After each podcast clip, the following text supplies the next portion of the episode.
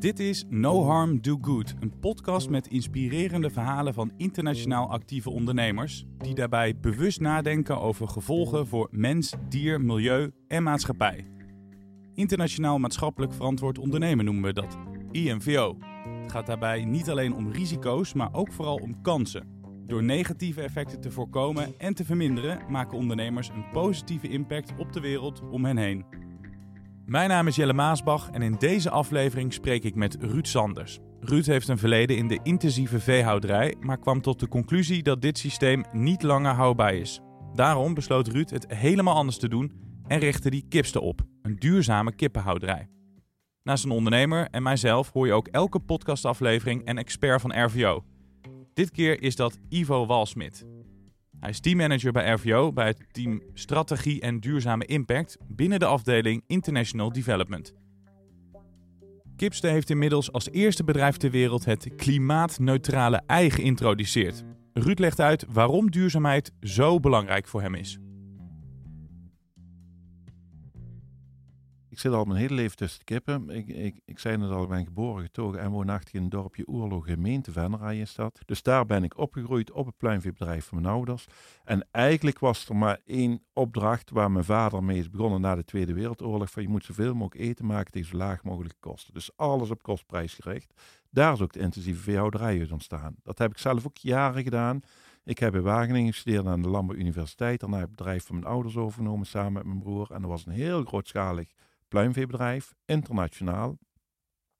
Maar dat ging uiteindelijk, hebben we daar 16 oktober 2007 het faillissement van aan moeten vragen. En toen ben ik gaan denken, van, ja, dat hele grootschalige, is dat eigenlijk wel de weg die we moeten gaan?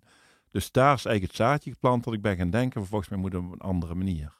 Het eerste zaadje was dus geplant. Na een faillissement door vogelgriep en een verkeerde investering realiseerde Sanders dat het zo niet langer kon. Het tweede zaadje werd geplant toen Ruud benaderd werd door enkele Afrikaanse landbouwspecialisten.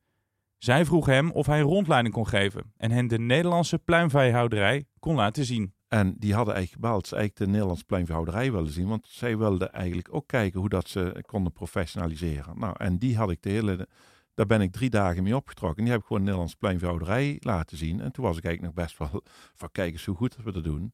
Totdat zij, totdat zij me vroegen van, maar zou je ons kunnen helpen om dat ook in onze landen op te bouwen? Nou, en toen begon ik te vertellen, ja, dan je hebt gezien wat je dan moet doen. En toen zei ik op een gegeven moment, dan moet je ook echt goed voer maken. Goede granen en goede mais moet je dat voer duwen. En toen keken ze me aan en zeiden ja maar Ruud, ben nu helemaal gek geworden. Want als we dat hebben, dan eten we dat liever zelf op. Nou, dus, dus zo ben ik ze eigenlijk tegengekomen. Van daaruit ben ik door gaan redeneren. Het roer moest om. Het systeem van de intensieve veehouderij, waarbij je met een kilogram graan niet tien mensen, maar een varken voedt, daar klopt iets niet. Ruud kwam erachter dat het merendeel van de landbouwgrond momenteel wordt ingezet voor vleesproductie. En bovendien eindigt de helft van alle geproduceerde granen als veevoer. Het is een makkelijke rekensom. Van die granen zou je meer monden kunnen voeden dan dat je nu met vlees doet. Met dit in zijn achterhoofd richtte Ruud zijn nieuwe bedrijf op. Een belangrijk doel van Kipse is dat er goed naar de rol van dieren in onze voedselvoorziening gekeken wordt. Deze voedselvoorziening moet zo efficiënt mogelijk geregeld worden. Vruchtbare gronden moeten dus alleen nog maar gebruikt worden voor granen en groenten en dus niet voor vee of veevoer. Maar op wat voor manier kan er dan nog vlees geproduceerd worden? Nou, door gebruik te maken van overgebleven voedsel, oftewel reststromen. En dan heb je reststromen van het land en reststromen van humane consumptie. En dan kunnen een kip en een vark iets fantastisch wij niet kunnen, want die kunnen dat opeten. En als dank daarvoor krijg je een beetje eieren en vlees terug. En dan heb je in één keer van iets wat eigenlijk niks meer is, daar wordt toch weer eten van gemaakt. En dat is het basisprincipe van Kipster. Wij voeren onze dieren alleen maar dingen, grondstoffen die wij als mens niet meer kunnen of willen eten. Nou, dat is de basis. Vervolgens hebben wij dus als mens de arrogantie dat wij vinden dat je dieren mag benutten in het voedselsysteem. Dan zeggen we, moet je dat zo diervriendelijk mogelijk doen als dat kan. Dus je moet daar je uiterste best op doen. Nou, en dat is het tweede principe van Kipster. Onze dieren, dat zijn levende, intelligente wezens met emoties en gevoelens. En probeer daar zo goed mogelijk rekening mee te houden. Als jij uh, moet uitleggen wat duurzaam pluimveehouden precies inhoudt, hoe zou je dat dan... Uh, ja, dan, dan, dan zou ik vooral kijken naar hoe kun je nu op een ecologisch efficiënte manier dieren gaan houden. Dus dan, dan, dan ga je alweer eerst kijken van ik wil eigenlijk wel een ei produceren, maar waarom zou ik dat eigenlijk doen? Heeft het eigenlijk wel nut? Is dat puur omdat wij welvaart hebben en allemaal die eieren en zoveel mogelijk dierlijke producten willen eten, of zit daar een functie? Dus ik zou als eerste kijken, het moet altijd bijdragen aan het voeden van de wereldbevolking op een faire manier. Ehm, nou, en vervolgens horen al die andere dingen horen bij duurzaamheid. Dus ik vind ook dat je het met zoveel mogelijk respect voor het dier moet doen. Als je dat niet doet, kan ik het eigenlijk al niet meer onder duurzaamheid scharen. We vragen elke ondernemer deze podcastserie, wat doen jullie om uh, maatschappelijk verantwoord te ondernemen? Nou ja, dierenwelzijn staat bij jullie daarbij wel, uh, denk ik, centraal. Zijn er nog andere dingen?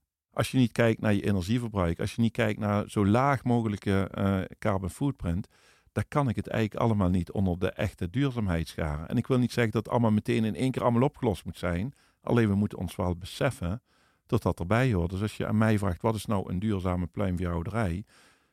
Zo dier, milieu en mensvriendelijk als mogelijk. En daar continu stappen in zetten en nooit denken voor wat ik nu doe, dat is, dat, dat, dat is het systeem. Het energie, klimaatneutraal. Uh, wat doe je met de haans? Wat doe je met de uitgelegde kip? Hoe maak je het transparant voor de burgers? Hoe krijg je het bij de, bij de consumenten eerlijke prijs voor de boer? En dat allemaal bij elkaar, dat is uiteindelijk wat het kipsterei is. Duurzaamheid speelt voor kipster dus een belangrijke rol. Door zijn kippen geen graan, maar overgebleven voedsel te geven, levert Ruud een goede bijdrage aan een efficiëntere voedselvoorziening en het behoud van biodiversiteit. Maar wat is biodiversiteit precies en waarom is het belangrijk? Ik vraag het aan Ivo Walsmit, de expert van RVO. Biodiversiteit, dat, dat gaat over biologische diversiteit. En uh, eigenlijk is dat uh, in het kort de, dat, de verscheidenheid van alles wat leeft uh, op deze aarde. De biodiversiteit in een bepaald gebied of in een bepaalde omgeving, dan hebben we het over een ecosysteem. En dus, dat is echt de, de, de, de plek waarin al die dieren en planten en schimmels op een bepaalde manier met elkaar samenwerken en samenleven. En waar dus ook vaak, als er van externe bedreiging komt, dan, dan ontstaan er problemen. Ik vergelijk dat wel eens met een, een Jenga-puzzel. Die ken je vast. Als je zo'n puzzel, dan kan je steeds wel blokjes uithalen, maar op een gegeven moment dan haal je net het verkeerde blokje eruit en dan start het, stort het systeem in elkaar. En dat kan je in een e-, ecosysteem ook gebeuren. Biodiversiteit is dus belangrijk, maar op wat voor manier is dit relevant voor ondernemers? biodiversiteit is echt een, een randvoorwaarde voor, voor goed ondernemerschap. Uh, wij, jij en ik zijn afhankelijk van alles wat er, uh, wat er om ons leeft. En ondernemers die zijn dat ook. Kijk, we zijn afhankelijk van wat, uh, wat de natuur ons biedt. Voor de, alle mensen, maar ook voor de bedrijven. Die balans is belangrijk. En het is daar heel belangrijk dat we die natuur niet overvragen. Want die, en, die balans die zorgt er ook voor dat we kunnen ondernemen, dat we voedsel kunnen produceren, dat we beschermd zijn. Nou, je ziet al veel gevolgen in het nieuws naar voren komen als die balans is verstoord. En, en bijvoorbeeld natuurbranden, overstromingen, honger is daar ook vaak een, een, een gevolg van. Ook vervuiling, vogelgriep is de laatste tijd veel in het nieuws. En dus ook een, een, oorzaak, een gevolg van een verstoorde balans in de natuur. dus die, die, is, dat, die natuur is echt een basisvoorwaarde voor onze welvaart en ons welzijn. En uh, nou, ja, bij RVO zijn we daar ook nadrukkelijk mee bezig. Met maatschappelijk verantwoord ondernemen, zoals je zelf zei. En ook om die stap verder te nemen naar vergroening. Duurzaam ondernemen op een manier zoals Ruud doet, is dus ontzettend belangrijk. Maar wat merk ik als consument als ik een kipste-ei koop? Proef ik ook echt verschil? Ja, uiteindelijk als ik het heel plat sla, koop je gewoon nee. En dan je, als je die eieren, als je alle eieren langs elkaar zou zetten zonder doosje, dan merk je er echt helemaal niks van. Nou, je proeft het niet als je het ei opeet. Nee. Maar je kan het aan andere dingen, kan je het uiteindelijk gaan zien. Ja, nou, sterker nog, wat zou je ervan merken als consument? Als iedereen zo gaat werken zoals wij doen met deze visie, wat je dan gaat merken is dat, je, tot er veel minder eieren komen. Want dan, ga je, dan, dan is niet meer de vraag naar eieren uh, uh, de, de, de, de lead in hoeveel eieren dat er komen, maar hoeveel reststromen zijn er eigenlijk. Ja. Dan zijn de reststromen de beperkende factor. En dan, dan ga je eigenlijk heel simpel, dan ga je ongeveer uh, 60 tot 70 procent terug in aantal kippen, dus ook in eierconsumptie. Dus wat zou je er als consument van merken, als allemaal zo gaan werken, dat je nog best wel af en toe een ei kunt eten, maar niet te veel. Ja. En hoe kan het zijn dat andere bedrijven dit nog niet doen? Omdat wij helemaal op ingericht zijn na de Tweede Wereldoorlog, en, en dat, dat kan ook nooit een verwijt zijn, hè? want na de Tweede Wereldoorlog hebben we gezegd dat we nooit geen oorlog meer wilden, nooit geen honger meer wilden. Dus wat we moeten doen is zoveel mogelijk eten maken tegen zo laag mogelijke kost, dat iedereen het kan kopen. Als iedereen het kan kopen, heeft er niemand meer honger. Als er niemand meer honger heeft, hebben we waarschijnlijk nooit geen oorlog meer. Nou, dat is eigenlijk best wel een goed idee. En daar is van langzaam uit ontstaan dat we het allemaal steeds intensiever gingen doen. En tot eigenlijk kippen heel goed met goede granen en goede mais overweg konden. Misschien nog wel efficiënter zelfs als dat wij als mens zelf kunnen. Maar dat wil nog niet zeggen dat het systeem dan efficiënt is. Dus van daaruit is dat hele systeem ontstaan. En daar is het hele systeem niet op gebaseerd. En dan is het niet zo makkelijk om dat vanuit een bestaand iets dat zomaar even om te draaien. Volgens Ruud is het moeilijk om het systeem van zoveel mogelijk voedsel produceren te veranderen. Maar is het systeem eigenlijk wel te veranderen? Dat is een goede vraag. Dat, je ziet ook dat hij uh, zelf dat hele systeem ook niet in zijn eentje om kan draaien. Dan, uh, ondanks dat hij die ambitie wel heeft. En, en dat vind ik ook wel het, leuke aan het werken bij RVO. Je zit daar tussen beleid in, de, degene, de minister en de beleidsambtenaren die de keuzes maken. Maar ook bij bedrijven, ook bij uh, NGO's, bij kennisinstellingen. En met al die partijen zullen we het moeten doen om dat hele systeem om te draaien. Anders dan krijg je het niet voor elkaar. Toch blijft het voor veel bedrijven moeilijk om zich MVO in te zetten.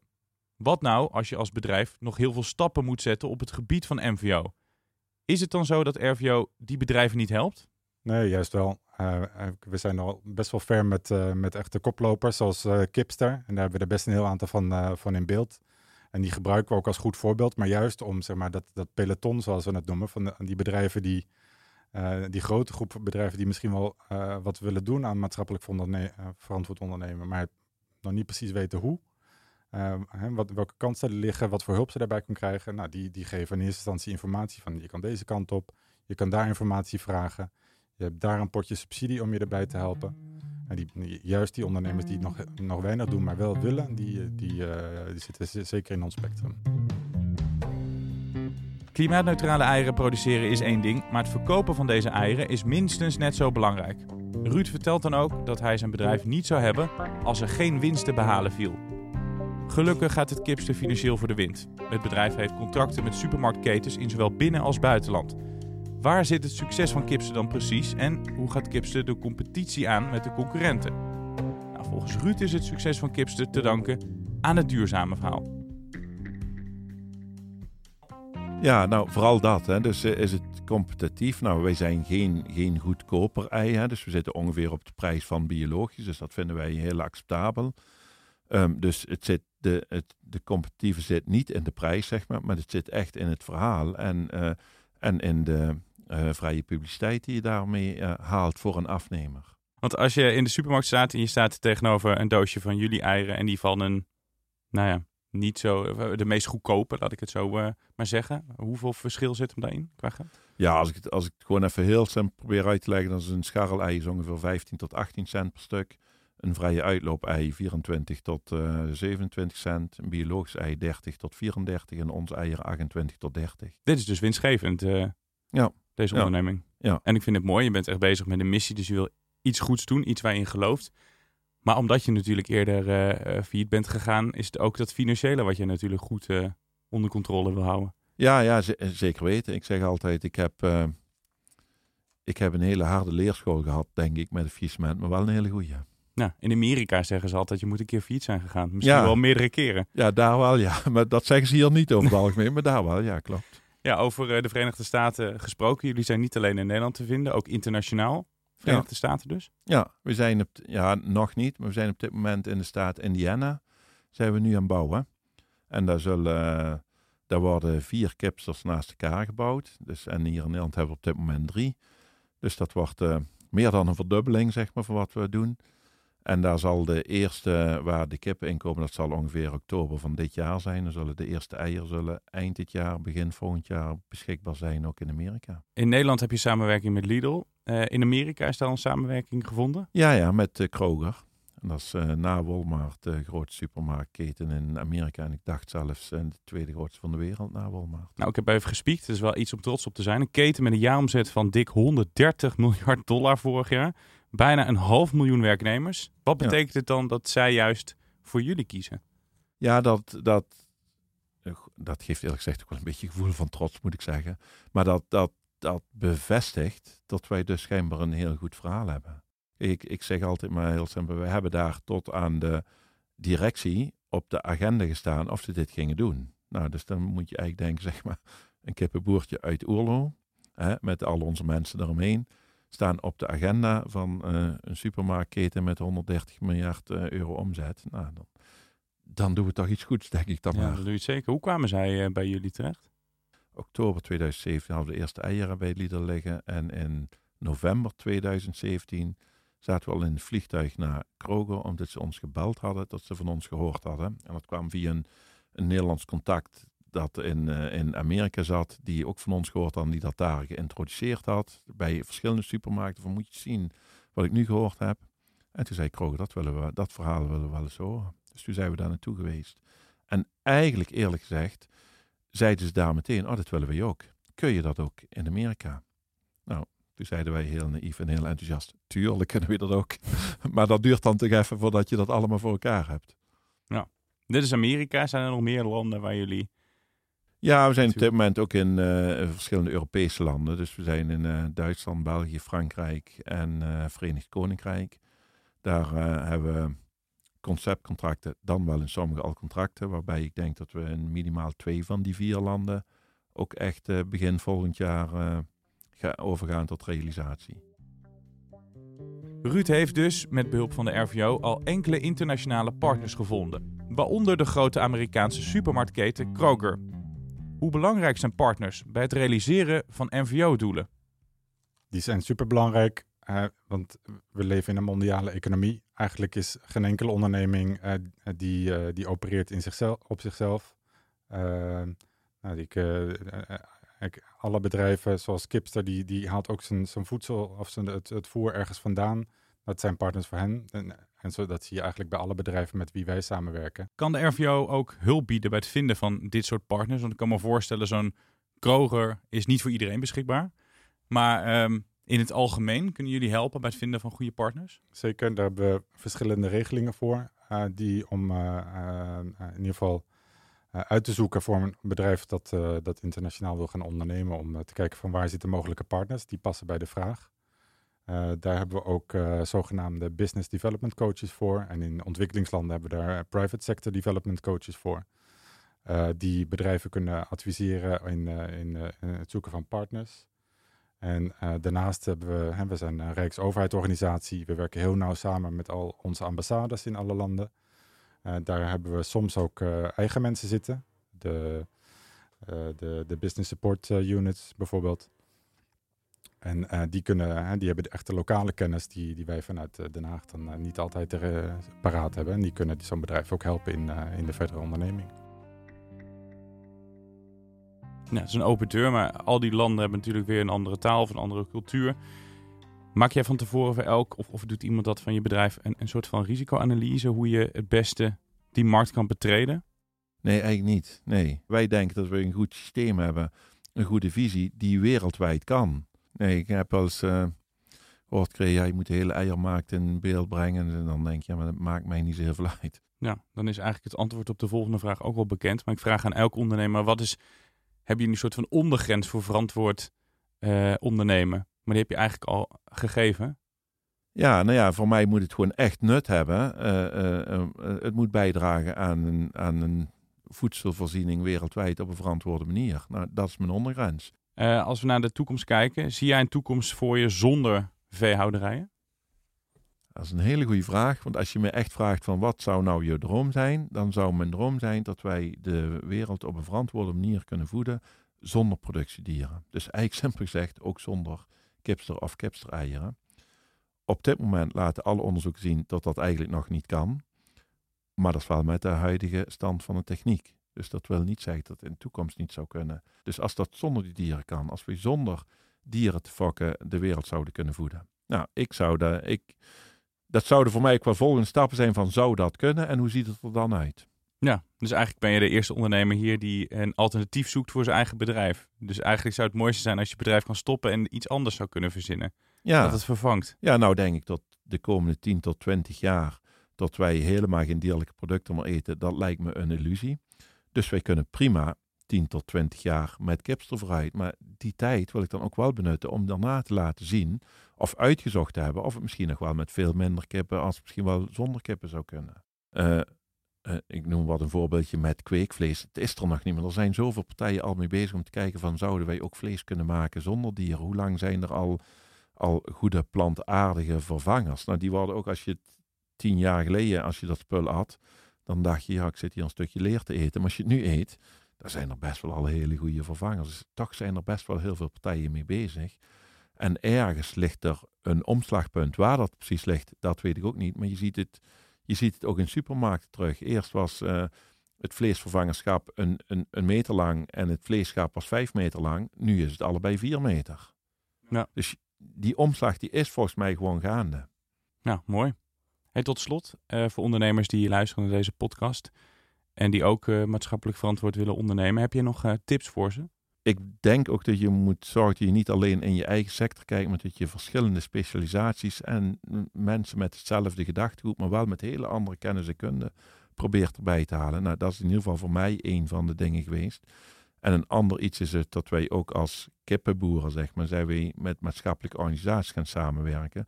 Tot aan de strakke toe, als ik het zo mag zeggen. Dus we hebben bijvoorbeeld ook heel, we werken ook heel nauw samen met Wakker Dier. En zullen, misschien zijn we het niet altijd over alle dingen eens. Maar we hebben wel samen dezelfde intentie. Zo goed mogelijk doen voor het dier en het proberen af te bouwen. Nou, dus je kunt ook met mensen waarvan je in eerste instantie denkt dat gaat nooit werken. Ga er maar eens mee om tafel zitten. Dus eigenlijk zeg ik met al die dingen, kom uit je eigen bubbel en probeer het heel breed aan te vliegen. Mooi, dankjewel. Dank dat jij aan deze tafel wilde zitten. Nou, graag gedaan. Dankjewel. Dank aan Ruud Sanders van Kipster voor het delen van zijn verhaal. En dank aan Ivo Walsmit van RVO. Dit was No Harm Do Good. Wil je zelf aan de slag met verantwoord ondernemen in het buitenland? Doe dan kosteloos een korte check en ontdek welke internationale MVO-risico's je loopt met jouw handelsactiviteiten en wat je kan doen om die risico's te beperken. Kijk daarvoor op rvo.nl/imvo-checker.